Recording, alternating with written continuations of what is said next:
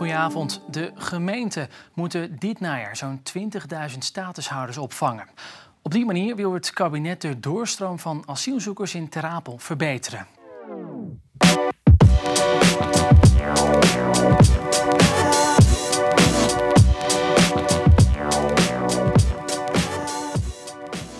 Hey Vincent.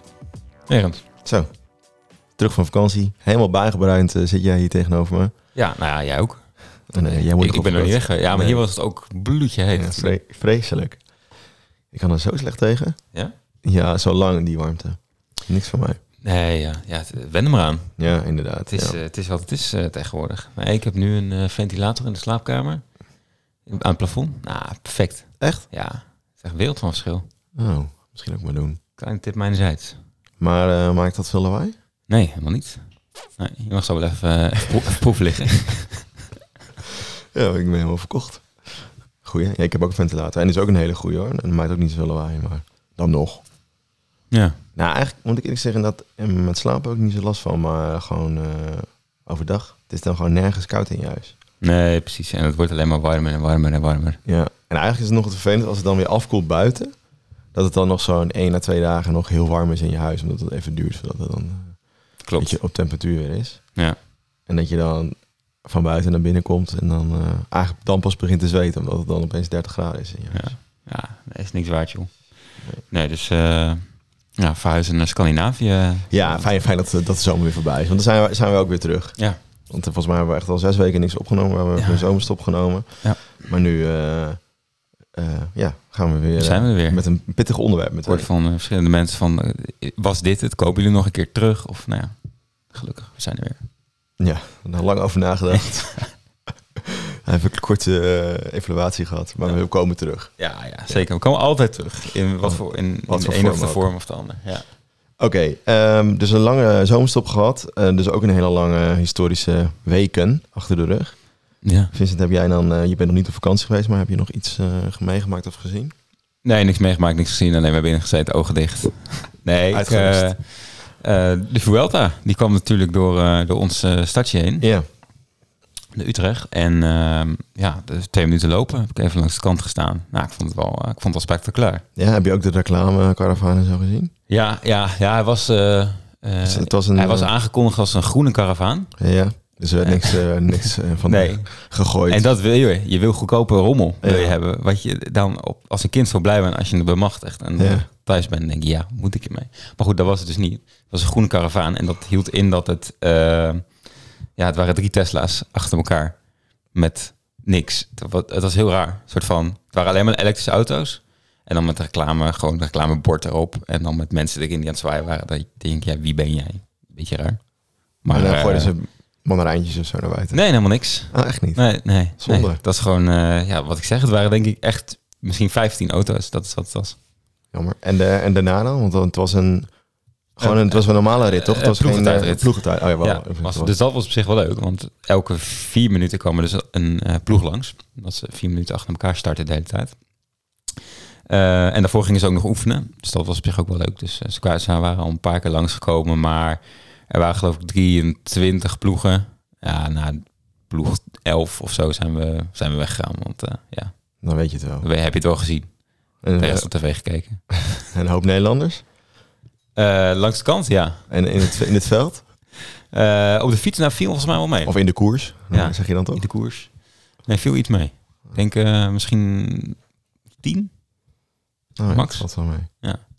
Maar dit was wel, het was, Nee, was, het was dus wel leuk gewoon om eh, ook op tv en zo om alle, al die beelden te zien. En eh, nou, het was wel een happening in de stad. Ik had niet zo verwacht dat zoveel mensen erop af zouden komen. Nee, nee, de vorige hadden we natuurlijk gemist, Tour de France. Toen waren we Ja. zelf op vakantie. Ja, klopt. Toen, toen was het ook twee minuten van ons studentenhuis toen nog. Ja. ja. Nou, leuk. Ja, en jij bent op vakantie geweest. Dus Ja, ja wat, eh, heel lang geleden al. heel veel, alles vergeten. Alles alweer gegeten. Ja, ook niet heel veel ehm, echt dingen meegemaakt. bijzondere dingen meegemaakt, denk ik, qua, qua historie. Ik was in, ehm, in Spanje op vakantie geweest, in Noord-Spanje. Dat is wel leuk, want dat is wel een soort... ehm, dat zijn de, zeggen, de soort van de zomerverblijven van alle Spanjaarden. Die gaan naar het noorden, trekken naar het noorden, want daar is dan nog een beetje te doen in de zomer. Dus waaronder ook eh, het Koninklijk Huis. En ehm, ik was in San Sebastian en dat is, is dus zo'n plek waar zo'n paleis, zo'n zomerpaleis staat. volgens mij niet meer van de huidige koning en koningin, maar volgens mij een paar generaties hiervoor. Dus dat was wel heel leuk om te zien. Het was een hele mooie stad. Hm. Bijvoorbeeld Oviedo is ook zo'n hele mooie stad. Eh, omdat daar eh, volgens mij met name ambtenaren en zo wonen. Dus het, dat is wel echt, Hm. het was wel leuk, want het was wel echt anders Spanje dan ik kende. Ja, ja niet eh, de Costa. Nee, De echte Spanje was Ja, ja. Of Baskeland. Of Ja, ja. Officieel Baskeland. ja, San Sebastian wel en Bilbao ook. En Oviedo is Asturië. Of Galicië zelfs misschien nog wel. Goed, maar daar waren ook geweest. Dat is eh, echt een aanrader. En op terugweg gingen we via, in, eh, via Tour. Tours. Tours. Ja, Eh, was, van niet, Gregorius. ja, Tours. was niet heel leuk. We waren op de feestdag, 14 Juliet. Dus ik dacht, nou, nu gaat het gebeuren. Maar Ja. het was uit 40 graden, dus was, alles was afgelast. het was te warm. Maar het is wel een leuke stad, want dat is of, om te zien heel even. Het is niet heel groot, maar het is een heel middeleeuws en het echt nog met van die Playmobil huisjes. Ik weet niet of je vroeger met Playmobil hebt gespeeld. Ja, klopt. Met dat wit en dan met die bruine... Met die bruine balken en eh, ja, gewoon dat. Dus dat was wel echt eh, wel grappig om een keer, een keer te zien. Ja. Dat is denk ik qua historie. Even kort recapje Ja. van, van deze zomer. Tijd Ja. voor het onderwerp? Eh, ja, laat me doen. Ja. Ja. Je hoorde in het, in het begin al een beetje, in het beginstukje al iets over de, de vluchtelingencrisis. Want ja, we appten elkaar, waar moeten we het nou nu eens over gaan hebben? Want er gebeurt een hele hoop. Ik zei, misschien kunnen we het wel hebben over de jaren 30. Want volgens mij zitten we nu weer in een soort van jaren 30. Met eh, inflatie, eh, Ja, oorlogen die daar dictators, geen, alles en nog wat. Maar jij zei eigenlijk van, kunnen we niet eens eh, over die Belgische vluchtelingen hebben? Want eigenlijk al de hele zomer slapen er honderden vluchtelingen buiten in de openlucht.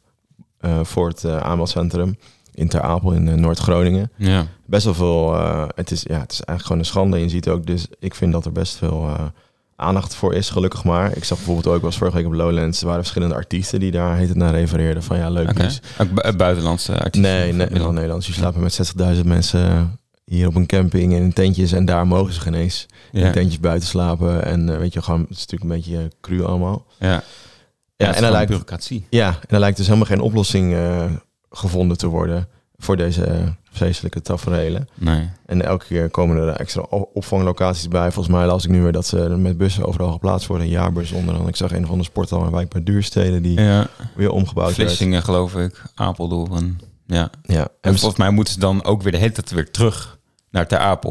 Want dat is toch het hele ding. Ze willen juist ook daar blijven, omdat ze bang zijn dat ze dan weer een soort van achter in de rij staan en een plekje eigenlijk kwijt zijn. Ja, want dat is dus de enige plek waar je eh, het systeem eigenlijk in kan. Ja. Ook heel raar vind. Dan denk ik, ja, is dat de enige plek met computers ja, dat is zo? toch expres gedaan. Ja. En het is ook heel dicht bij Duitsland.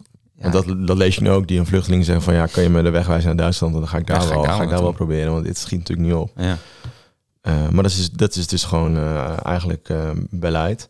Ja, en wat je, wat je natuurlijk vaak ziet is dat eh, dan die plekken opeens worden uitgekozen. Zoals uh, Turbergen, dat was dan vorige week geloof ik. Ja, Van oké, we hebben besloten, de regering gaat nu keihard ingrijpen. eh, we gaan jullie overroelen en het komt gewoon hier punt uit. Mhm. Nou, dan komt de hele bevolking in opstand, de lokale bevolking. Want Ja. nou ja, er komen dan in dit geval 3000 eh, of 300 eh, eh, asielzoekers, vluchtelingen op, een, op een bevolking van 3000 mensen. Nou ja, dat is vrij veel, 10 procent. Hè? En dat hoor je natuurlijk wel vaak, dat dat dan het verweer is. Maar dan, ik, ik, snap niet dat, dan, dat er geen oplossing wordt gezocht daarin. nee. Ik denk van, ga dan inderdaad gewoon mensen verspreiden over heel het land. En ik snap dat het ook allemaal lastig is, maar begin daar dan aan om daaraan te werken. Want dit werkt gewoon niet op deze Nee. manier. nee. Ehm, ik, ik heb even opgezocht van hoeveel eh, vluchtelingen komen er nou ook naar Nederland. Hè? Want eh, je, je haalde het net al aan, we wilden het nu even over eh, de vluchtelingen uit België hebben in de Eerste Wereldoorlog. Ja. Nou, dat waren er echt heel veel, hè? Dat, maar daarover zo meer. Maar dit in, eh, in 2021 zijn er 35.000 vluchtelingen gekomen naar Nederland. Eh, waarvan het grootste gedeelte uit Syrië kwam. En 43% van die gevluchte Syriërs die kregen een verblijfsvergunning. Eh, de grootste groep daarna was, waren de Afghanen die, waarvan 12% een verblijfsvergunning kreeg. Ja. En in totaal kregen 25, ongeveer 25.000 mensen van die 35.000 mensen een verblijfsvergunning. Dus dat is vrij veel Ja. van de mensen die dan daadwerkelijk komen. Dus dat is op zich mooi, want de mensen die dus komen zijn de goede mensen wat dat betreft. Ja, die, dat zijn echt asielzoekers. ja, Want anders krijgen ze geen ver- verblijfsvergunning. Nee. Eh, maar deze aantallen die staan natuurlijk eh, in, in schril contrast tussen de vluchtelingenstroom eh, uit de Eerste Wereldoorlog vanuit België. En daar verschillen de cijfers ook wel een beetje over, maar je hoort wel vaak een miljoen Belgen die of voor lange of kortere tijd gevlucht zijn vanuit België naar Nederland om het oorlogsgeweld Ja. te ontvluchten. Ja. Ja. zeg, Wij dachten van, hoe, hoe is dat dan toen geregeld? Als Ja. het nu om 35.000 mensen of 25.000 mensen een hele, eh, heel veel problemen veroorzaakt. Hoe is dat toen met 1 miljoen mensen gegaan? Ja, nou inderdaad. Dus daar doken we op in. Ik dacht ik nog wel even ter info over misschien extra beetje context. Dat, eh, je hebt natuurlijk ook eh, nu de Oekraïne-oorlog. Ja. Eh, en daar komen ook vluchtelingen van uit eh, naar Nederland. Die moeten zich dus niet melden bij Ter Apel. is misschien wel goed om te onthouden. Want die doen officieel geen asielaanvraag. En dat is natuurlijk Nee. eigenlijk wel een beetje hetzelfde als de Belgen toen de tijd. Ze willen niet een Nederlands staatsburger worden omdat het eh, onveilig is. Het is meer ze willen een soort van tijdelijk onderdak omdat het even in hun ogen even onveilig is. Wat natuurlijk later ook niet blijkt in de Eerste Wereldoorlog en waarschijnlijk nu in Oekraïne ook niet, want het is nog steeds aan de gang. En op 25 augustus 2022, dat zijn de cijfers van de Rijksoverheid, waren er ruim 50.000 eh, ge- geregistreerde Oekraïnse vluchtelingen in Nederland. 75.000. Ja, en die worden dus ook op allerlei plekken opgevangen, Ja. tijdelijk. En eh, daar hoor je ook weinig gedoetjes Ja, want over. zij mogen hier natuurlijk ook gewoon voor de oorlog al mochten ze hier gewoon naartoe rijden en Ja. eh, zonder iets visum of, of dergelijks aan te vragen. Volgens mij voor ja, best wel lang. Een ja. half jaar denk ik of zo. Ja, volgens mij ook, ja. ja En dat hebben ze misschien zelfs nog wel verlengd Ja, eh, eh, om, om wat tegemoet te komen. Dus, dus dat is een ja, groep die misschien ook wat minder in beeld is. klopt. Eh, maar met de, met de Belgische vluchtelingen, om, om toch dat, misschien dat vergelijken te trekken, die, die waren natuurlijk wel echt ontheemd ook op een bepaalde manier. En die, die, ja, die gingen wel de molen in, eigenlijk net zoals Ja. die mensen nu, Ja. denk ik. Nou, laten we daar maar eens naar naartoe gaan dan en daar eens meer eens over vertellen. Zullen we dan beginnen bij eh, even het begin, de historische context. De Ja, Eerste we- Wereldoorlog, hoe is die tot, stand gekomen? dat was Ja. de druppel die de Europese Unie deed overlopen. Nee, Goede eh, teksten. eh, ja, goede tekst is dat, ja. Nee, nou eigenlijk was, was België onafhankelijk ook, of neutraal. Of ja, dat, dat wilden dat ze. wilden ze blijven, net als ja. Nederland. Alleen, ehm, Ze lagen gewoon net iets een beetje in de weg. ja, voor het, het twee frontenplan, of hoe noemden dat ook alweer? Ja. van, de, van, de, van de Duitsers die eigenlijk via twee kanten Frankrijk onder andere wilden aanvallen. Ehm, en dat betekent eigenlijk dat eh, al snel eh, een veldtocht kwam eh, door, door België heen van de Duitsers. En op eh, 4 augustus 1914 viel dan ook Duitsland officieel België binnen. Zonder eh, formele oorlogsverklaring. Dat is ook wel interessant. Een soort van, Ja, van. eh, is hem niet nodig. We gaan even door jullie, alleen maar door jullie heen. Dat is gewoon snelle logistiek en dan zien we wel. Ja. Ehm, eigenlijk meteen kwam na die 4 augustus die vluchtelingenstroom eh, op gang naar Nederland. Want Nederland bleef wel neutraal. Ehm, en dan lees je bijvoorbeeld dat de eerste dag, dus op die 4 augustus, kwamen er 52 Belgische soldaten naar Nederland. En eigenlijk zie je dat eigenlijk tot en met oktober met name soldaten, Belgische soldaten naar Nederland eh, toetrokken. En die werden dan eigenlijk een soort van ge, hoe noem? Geïnterneerd, geïnterneerd inderdaad. eh, gevangen gezet. gevangen gezet en hun ontwapend op... eh, Ja, dat is wel grappig. Dat wist ik dus ook niet per se. Nee, dat dat, dat dus, als je neutraal Ja. dat je dan een soort van de soldaat uit de strijd onttrekt en vasthoudt totdat Ja. de strijd over is. ja, dat Omdat is... je- ja. ja. Grappig, jij wist ik eigenlijk ook niet. Ja. En die kwamen dan ook op soort van oude legerbasissen of nog bestaande legerbasissen zoals in Onderbroek eh, terecht. Mhm. Ehm, en op 10 oktober lees je dan eigenlijk vanaf oktober komt dan echt die burger, er komen steeds meer burgers naar, eh, naar Nederland of inwoners van België, omdat eh, op 10 oktober bijvoorbeeld Antwerpen viel. Oh ja. En toen vluchtten er naar circa 40.000 soldaten en 1 miljoen burgers naar Nederland in die, dus in die periode na of tussen oktober 1914 tot en met ongeveer 1915. ja. Eh, en een half miljoen zouden daar dus komen alleen maar al uit de stad Antwerpen. Dat is een schatting. Ehm, dus dat is echt wel veel. ja, het is gigantisch. Gewoon of de, in ieder geval de regio Antwerpen, laten we Ja. niet de stad zelf. Ehm, en daar zaten bijvoorbeeld ook nog eh, Britse soldaten en zo tussen... die dan eh, ook natuurlijk ingeklemd waren door de Duitsers. Dus het was, het was inderdaad... Er waren een hele hoop, eh, kwamen gewoon een hele hoop vluchtelingen deze kant op. En dat had ook wel echt te maken met de agressie die de Duitsers eh, hadden. Want je leest bijvoorbeeld in Delver, zie je het ook heel goed. Maar dat de Duitsers hadden echt een best wel een eh, agressieve tactiek. wat de Russen misschien ook wel hebben. Dus alles in de fik steken, alle dorpen platbranden. Ja, en dan ben je dus ontheemd, wat jij net zei. En dan, ja. dan, moet je het, dan moet je wat, dan ga je dus weg. Ja. Dus zo kwamen al snel heel veel Belgen deze kant op. Ja. En die burgers die deze kant op kwamen, dat waren, waren dat dan met name vrouwen en kinderen? Oeh, dat- goede vraag, dat weet ik eigenlijk niet. Je leest wel heel veel over vrouwen. eh, maar ook wel dus heel veel over mannen. Die, eh, Ja. Want dat voor jezelf wel later, van hoe werden ze dan ontvangen, is dat je daar ook heel veel, eigenlijk meer de problemen over hoort. Dat waren dan ehm, ehm, de, de, de, mannen eigenlijk, ja. Ja. Dus ik weet niet zo goed hoe dat precies, eh, hoe die verhouding is. Ehm, het is wel grappig dat al die vluchtelingen werden dus onderverdeeld in een soort categorie. Ja. Ehm, en die categorieën waren eigenlijk ehm, gevaarlijke of ongewenste elementen. ja. De tweede was minder gewenste elementen. En de derde was fatsoenlijke behoeftigen. En op die manier werden dus allerlei eh, kampen ook gebouwd in, in heel Nederland. Want in eerste instantie zijn- is natuurlijk, eh, zie je vooral bijvoorbeeld Roosendaal en Bergen op Zoom helemaal overspoeld worden. Of Maastricht met vluchtelingen. Maar goed, die kunnen natuurlijk allemaal niet opvangen. Ja. Dan lees je eigenlijk een beetje hetzelfde verhaal als op Ter Apel. Dat eh, vluchtelingen buiten sliepen. Dat er geen eten was. Dat alle bakkerijen, ehm, hoe zeg je dat? Eh, die hadden geen brood meer. Omdat gewoon het allemaal weggegeven was.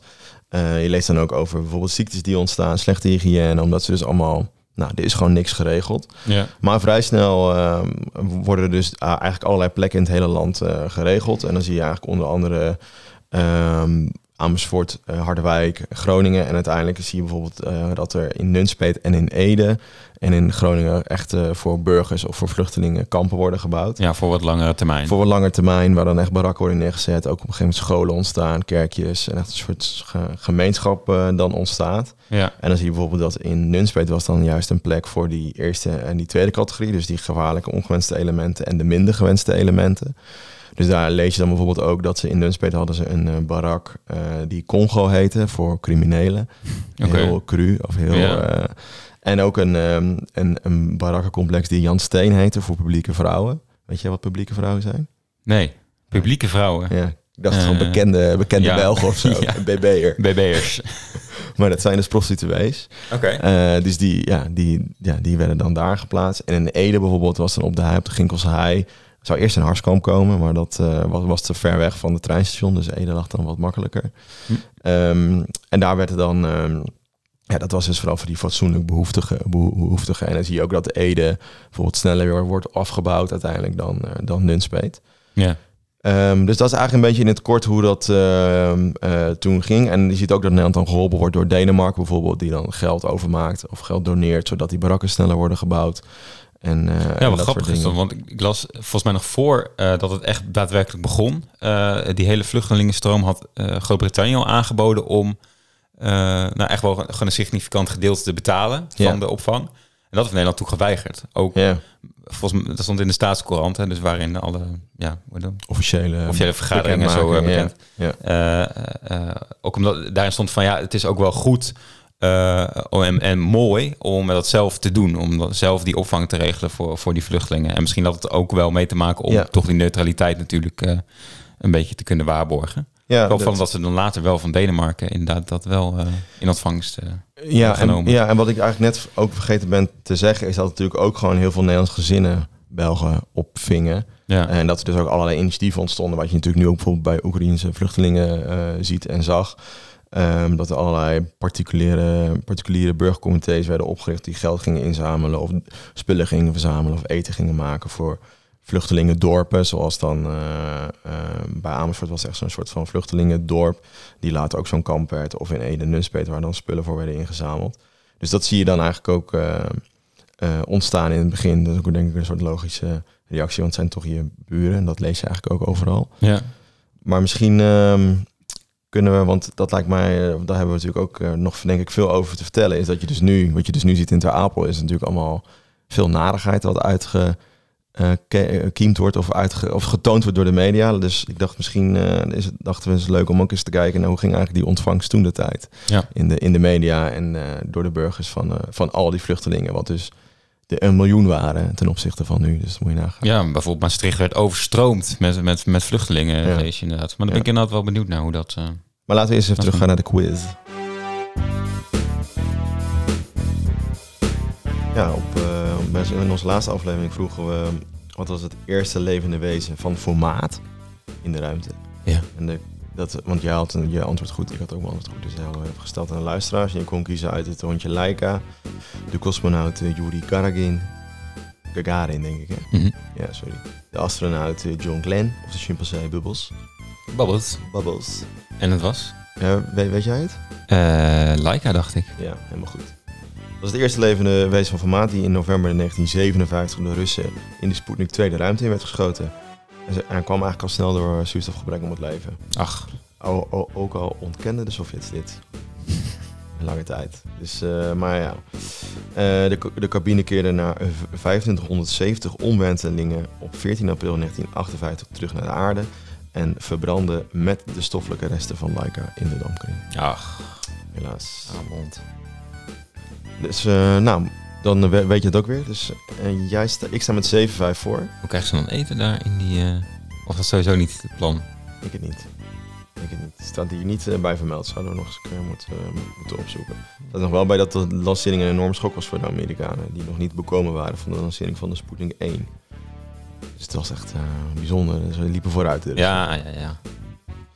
Ehm, ja. Nou, Wil jij als eerste... Karin was dan als eerste in de ruimte, denk ik. Of niet als eerste mens. mens ja. En waarom om de aarde? Ja. Zeg maar stop. Um, stop. Misschien een keertje ergens een beetje voor aan. Stop. um, even kijken. Oh, deze hebben we gehad. Okay. Uh, wat is dit? De Oost-Duitse bevolking haatte de muur. Welke vandaag is dit? Dit is vraag 26. Oké, okay, dat is even voor de, voor de administratie.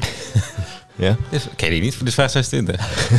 Hoe noemde het Oost-Duitse regime dit bizarre bouwwerk? Is dat A. Gelukkig. De antifascistische Schutzwallen? Mm Is dat B. De Friedensmauer? Ja. Is dat C. De VEM? De VEM? De Volkseigene Mauer? Mm Of D. De anti-imperialistische Sperre? Ik, weet, ik heb er geen idee. Dus antifascistische Schutzwallen. Uh, wie, wie uh, had er ook weer een hekel aan? De Oost-Duitsers. Ja, dus ik ga misschien dan voor iets ironisch dat het die, vredesmuur uh, noemde. De Vredesmauer. Ja. Uh, nee. Oké, okay, helaas. Oké, nou dan betekent dat jij uh, kan terugkomen. Yes! Hele vakantie, kijk hier al uit. En zeg maar stop. Stop. Uh, vraag 17. Oeh, die is lastig. Nederland heeft tijdens de Tweede Wereldoorlog 27 grotere momenten ondergaan. Meest berucht is Rotterdam. Hmm. Hoeveel van deze bombardementen zijn uitgevoerd door de Luftwaffe? Is dat A3, B12, C18 of D24? Uh, van hoeveel totaal? Uh, 27. Die zijn door de Luftwaffe zijn uitgevoerd. Uh, dan ga ik voor wat was, waar waren de opties? A is 3, B is 12, C is 18 en D is 24. Dan ga ik voor 12. Nee, is fout. Uh. Ik vind het wel heel opmerkelijk. Ik ga dit uh, toch even nu uitleggen. Ah. De Duitsers hebben in Nederland tot, in totaal drie keer gebombardeerd. Hmm. Ja, ik had wel het idee dat ze wel een stuk minder dan ja. de geallieerden, maar... Van de 17 bombardementen komen er dus 24 voor rekening van de geallieerden, waarbij opmerkelijk veel misses en vergissingen zijn begaan. In totaal kwamen door bombardementen op Nederland ongeveer 5000 personen om, waarvan 4000 door ge geallieerde bombardementen. Nou. Nou, mag er ook wel eens een keer wat over zeggen. Meer. Ja, wie zijn hier dan de geallieerden? Ja. Daar hoor je niemand over. Dus wij ja, hebben hem ook fout. Dus dat betekent dat het stand gelijk blijft en dat we de vraag die jij aan mij stelde, dus vraag 27, 26, dat we die ja. op de socials uh, stellen. Ja, ja. ja, dus ja. bij deze ja. de quiz afgesloten. Dus niet de maar wat dan wel? Ja, wat dan wel, ja. Oké, we hadden het dus net al over, um, over die vluchtelingen, die Belgische vluchtelingen in, in Nederland in 1914, 1915. Um, en je, ja, we zeiden al een beetje dat ze goed werden ontvangen in het begin. Er werd snel, kwam er een soort bureaucratie op gang met plekken eigenlijk door heel Nederland waar ze verzameld werden en waar ze nou, konden leven. En er ontstonden ook eigenlijk een soort mini-dorpjes. Mm -hmm. Uh, wat ik nog wel grappig vond is dat ze heet het vluchtoord werden genoemd in plaats van uh, asielzoekerscentrum of uh, COA of weet ik, dat is misschien wel misschien iets, iets voor nu. Ja, iets betere positieve connotatie. Gewoon even voor een nieuwe start. Ja, laat het vluchtoord noemen. Ja. Ja, ik zie, zie het ook een soort van heel. Ik zie dan meteen voor me met uh, mooie poorten en zo. Ja, dus dat je er aankomt, dat je echt zo gevoel hebt van, oh, ik ben ja, er. Dat, ja. En dat is ook eigenlijk wat je, wat je wil, toch? Ja. Wat je wil faciliteren voor die mensen. Ja, ja. En wij zeiden dus al van, nou, we, dachten laten we eens gaan kijken in die eigenlijk de receptie, dus de ontvangst van die, uh, van die vluchtelingen. En het was best moeilijk om dat, dat te vinden, want er waren, nou, ik heb dan eigenlijk met name gebruik gemaakt van, uh, van Delver. Um, en dan zie je eigenlijk best wel heel veel positieve reacties, uh, met name. Uh, maar ook wat later in de periode. En eigenlijk de meeste artikelen die je vindt is over dat die dingen weer werden afgebouwd. Omdat de oorlog voorbij was. Of omdat het dus de oorlog richting het einde ging. Of dat er ook heel veel Belgen gingen eigenlijk na, binnen een jaar alweer terug naar België. Dat zie je ook wel veel. Ja. Um, en we hebben allebei eigenlijk uh, één positieve en één negatieve artikel of verhaal proberen uit te pikken. Uh, en denk dat we daarna moeten concluderen wat nou precies die receptie was. Is, ons onderzoek was niet heel breed. Nee, dat, uh, nee. nee, Maar goed. Hè? we, we zijn ook amateurhistorici. Ehm nou, ik vond dus een artikel bijvoorbeeld op 21 september 1914. Dus dat is echt al heel vroeg in, die, eh, in, die, in de Grote Oorlog. Het gaat dus over soldaten die aankwamen in, eh in Oldenbroek. Ehm, en eigenlijk ehm, eh, zie je dan, of lees je een beetje over wat, eh, wat de soldaten ervaren in Oldenbroek. En dan lees je dus dat ze, eh, dat, ze, dat oversteld werden met alles wat ze nodig hadden. Dus eten, drinken, eh, warme kleding, dat soort dingen, slaapplekken. Ze hadden vaak zelf bedden mee. Eh, maar dan werden ze alsnog, eh, kregen ze nog een eigen bed. En ze noemden ook de Nederlanders hele gastvrije Hollanders. En eigenlijk zie je best wel veel van zulke artikelen, vooral in die eerste paar maanden, voorbij komen van, eh, van, van, soldaten. Ehm, maar je leest dan ook wel weer later dat, ze, nou, dat ook, je lees, je- dan lees je dus heel veel artikelen over dat de Belgen graag weer terug willen naar België. Terwijl ze dan niet echt terug mogen van de Nederlanders. Hè, want ze willen natuurlijk ook wel, ik weet niet, ze blijkbaar een soort zicht houden op dat ze dan allemaal tegelijk teruggaan. Of gecoördineerd in ieder geval teruggaan. En niet Oh ja. allemaal op eigen houtje. Terwijl je ook heel veel leest over bijvoorbeeld ehm eh, Belgen die met een soort vrijbrief heen en weer gaan over de grens. Om toch even een blik te werpen eh, hoe het nou gaat in Antwerpen bijvoorbeeld of in België. En dan toch snel weer terugkomen. Dat het dan lees je dat het helemaal uitgestorven was. Ja. En ik vond nog één, ehm één interessant artikel over Ede. Ik dacht, nou, we komen naar de buurt en dan moet ik daar verdiepen in, ehm in, in duiken. En dat vond ik echt een bijzonder verhaal. Ehm, de kop van het artikel was dat de mensen uit Ede zich verbaasden over de bierdrinkende vrouwen in de, in de kroegen, de lokale kroegen. Ehm, en je hebt een, gewoon de website in de buurt, zul je vast wel kennen. In, in de buurt Ede heeft er een artikeltje over geschreven. Is dat ehm, die, dat kamp op de, op de Ginkelsheide, waar dus met name een soort fat, fatsoenlijke mensen woonden, dus fatsoenlijke vluchtelingen in de ogen van, eh, van de Nederlanders, dat het ook een soort attractie was. Ehm, in eerste instantie dus dat de vrouwen die daar zaten in groepjes inkopen gingen doen in een dorp. En daarna die inkopen dus bier gingen drinken in het café. Dat was voor hun heel, eh, Helemaal. heel bijzonder. Voor, voor de mensen uit Ede, Oh, ja. maar voor de Belgen was dat Ja. heel normaal. Eh, en dat was, ja, je leest dan dat het tot grote verbazing, maar ook een beetje verontwaardiging eh, eh, ging. En dat lees je eigenlijk wel meer, want die Belgen waren allemaal katholiek. En nou, Ede, Nunspeet, dat is Bijbelbel natuurlijk, dus enorme protestanten. Dus dat, dat, dat was altijd een beetje, daar was toch een beetje spanning tussen. Ehm, maar wat ze dus wel deden, Edenaren gingen op zondag naar de kerk, maar dan gingen ze middags nog even naar het kamp toe. Want dan konden ze voor 50 cent toch even kijken in het kamp. Dan konden ze een toegangskaartje kopen en dan mochten ze daar rondlopen. Ehm, en dat leidde dan af en toe ook nog wel eens tot problemen, lees je dan. Oké. En wat ik ook wel grappig vond, is dat, ehm, dat die kampen dus bewaakt werden door, vaak door Belgen. Bijvoorbeeld van de padvinderij of zo. Die waren dan een soort van de bewaking. Dus was ook weer dat je dat het nog wel een beetje zelf oppakt ook met elkaar. Ja, precies. Ja, maar eigenlijk is dit een beetje de, de, de... Ja, het is moeilijk om echt een soort van protest of een, of, een, of een tegenbeweging te vinden. Maar volgens mij heb jij daar wel iets meer over, toch? Ja, nou ja, laat ik ook even met het positieve beginnen. Ehm, wat, wat je ook heel duidelijk ziet, is, is een soort eh, ja, sympathie of medelijden. Eh, en dat kwam ook zeker eh, omdat België zich ook neutraal had verklaard. Oh ja. Dus, ja. dus de Nederlanders, het was best wel invoelbaar van ja, weet je, zij wilden hier ook niet aan meedoen en zij zijn ook maar overvallen door, door die Ja. oorlog. Dus we moeten ze helpen. Dat is wel wat, je duidelijk ziet. En ja, dan zie je gewoon hele trieste taferelen. Zie je de grens overkomen met mensen op karren met een hele hebben en houden met huilende kinderen. En ja. Eh, ga- zo, eh, ga zo maar verder. Eh, daarnaast wordt ook wel verteld dat er vluchtelingen of Belgen waren die, die grote sommen met geld schonken, ook aan Nederland en aan Nederlandse gemeentes, om die vluchtelingen op te vangen. Ook de Mhm. vluchtelingen zelf zeiden van ja, ik, weet je, ik ben geen economische vluchteling, of als je dat al zo kan noemen, maar ik heb genoeg geld, dus hier heb je, heb je wat en ik draag bij aan eigenlijk mijn, mijn opvang. Ja. Dus dat was natuurlijk best wel, best wel positief. Maar eh, aan de andere kant waren er zeker ook negatieve, eh, eh, negatieve dingen. En dat ging met name dan ook wel weer, wat je nu ook ziet, om die aantallen van vluchtelingen die ja, toch niet helemaal lekker verdeeld waren. Natuurlijk omdat ze allemaal uit België kwamen. Dus in Zeeland waren echt heel veel vluchtelingen. Het overgrote deel is eigenlijk naar Zeeland gegaan. A, Ja. omdat het natuurlijk dichtbij ligt. En B, omdat het natuurlijk wat verder van de Duitse grens af ligt. Dus ieder, in België werden mensen natuurlijk steeds verder soort van landinwaarts ja, net richting de zee geduwd eigenlijk. En toen uiteindelijk konden ze nog naar Zeeland. Ja. Eh, en als derde reden eh, konden ze vanaf daar ook nog naar Engeland gaan. Dus dat was vaak voor die mensen dan ook nog een optie om eerst naar Zeeland eh, te gaan. Maar je ziet dat in die plaatsen rondom de grens er zo... in Roosendaal bijvoorbeeld waren er 50.000 vluchtelingen op een bevolking van toen 16.000 mensen. Ja, Ja, dat is natuurlijk ja, ja, dat kun je niet bevatten. Dat Nee. is eh, eh, de- drie, drie keer zoveel eh, eh, vluchtelingen als inwoners. Een soort uitvelische markt. Een soort Uitvelische markt. Ja, toen moet je zeker een keer heen gaan. Dat.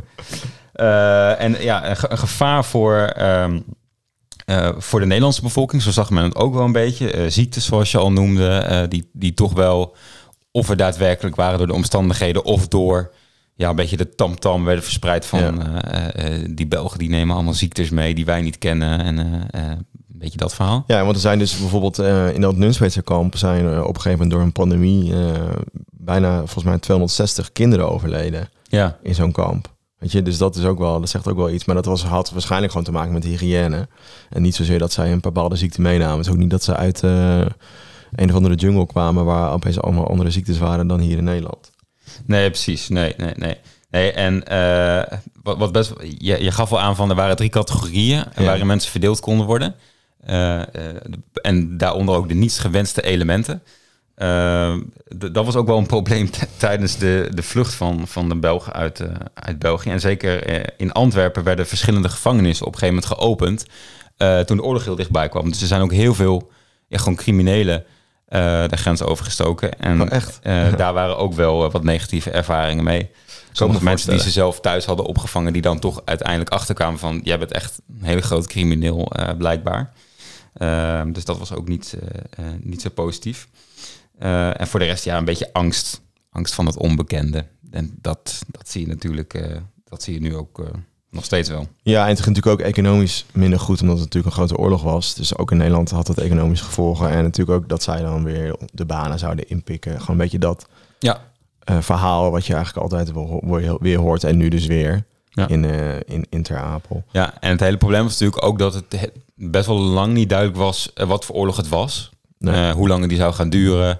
Uh, ja, hoeveel echt structurele maatregelen er genomen moesten worden. Of dat het uh, inderdaad maar voor een half jaar zou zijn of voor een jaar of langer. Uh, dat, zie je, dat zie je inderdaad ook wel terug dat het op het einde wat negatiever wordt. Omdat dan duidelijk wordt van nou, dit kan nog wel eens best lang gaan duren. En hoe gaan we dat dan oplossen? Want dan ja, zul je die mensen echt moeten gaan integreren of zo. Ja, en die, en die oorlog duurde dus eigenlijk uiteindelijk heel lang. Ja, veel langer dan, dan toen gedacht in ieder ja. geval. Maar ja. toch zijn ze ook redelijk snel weer teruggegaan. Omdat natuurlijk het, het slagveld, met name in Noord-Frankrijk was en België, gewoon bezet was ja. op een gegeven moment. Dus toen konden de mensen wel weer terug naar huis. En je ziet ook dat er met, uh, met de Duitse uh, uh, bezetter van België op een gegeven moment wel afspraken zijn gemaakt. Dat de Belgen ook weer terug naar huis konden. Ja, en dat is ook echt niet meer Nederland inkonden, want nee. er werd een soort dode, dode draad ge geplaatst. Ja, de draad. De draad, dus dat was een enorm groot hek uh, met 200 volt volgens mij erop. Uh, waarin je gewoon meteen ge geëlectrocuteerd werd zodra je dat aanraakte. Ja. Het was 2 meter, volgens mij 2,5 meter hoog. En om de, om de 30, 30 centimeter zat er dus zo'n elektrische draad. Um, en die werd dan volgens mij vanaf april 1915 ongeveer geplaatst. Ja. Uh, en je leest inderdaad dat in 1915 ook heel veel weer van die vluchtelingen teruggaan met een soort vrijbrief dat ze er doorheen mogen. En zich dan weer gewoon gaan vestigen in, uh, in België. Ook omdat jij net zei dat, die, dat het, werd, het werd gewoon een loopgravenoorlog. Dus er gebeurde gewoon niet zoveel, behalve bij die loopgraven. Ja, ja interessant. Ja, en uh, op een gegeven moment mochten er, uh, mochten er inderdaad ook helemaal geen mensen meer door, geloof ik. Uh, nee. Zeker geen mannen ja, van ja. vechtbare leeftijd, zeg maar. Ja, ja. Er wordt natuurlijk veel gesmokkeld ook. Ja. Nog één leuker krantartikel die ik tegenkwam, wil ik nog even benoemen voordat we naar het einde gaan. Is dat, dat ik een krantartikel vond uit 1914. En dat de bewoners uit Nieuw-Schotland, dat is in Canada, hebben voor de Belgische vluchtelingen in Groningen een grote hoeveelheid kledingstukken en schoenen en 200 bussen ingemaakte groenten gezonden. Um, en dan staat er aan het einde van het artikel nog een merkwaardige bijzonderheid kan gemeld worden.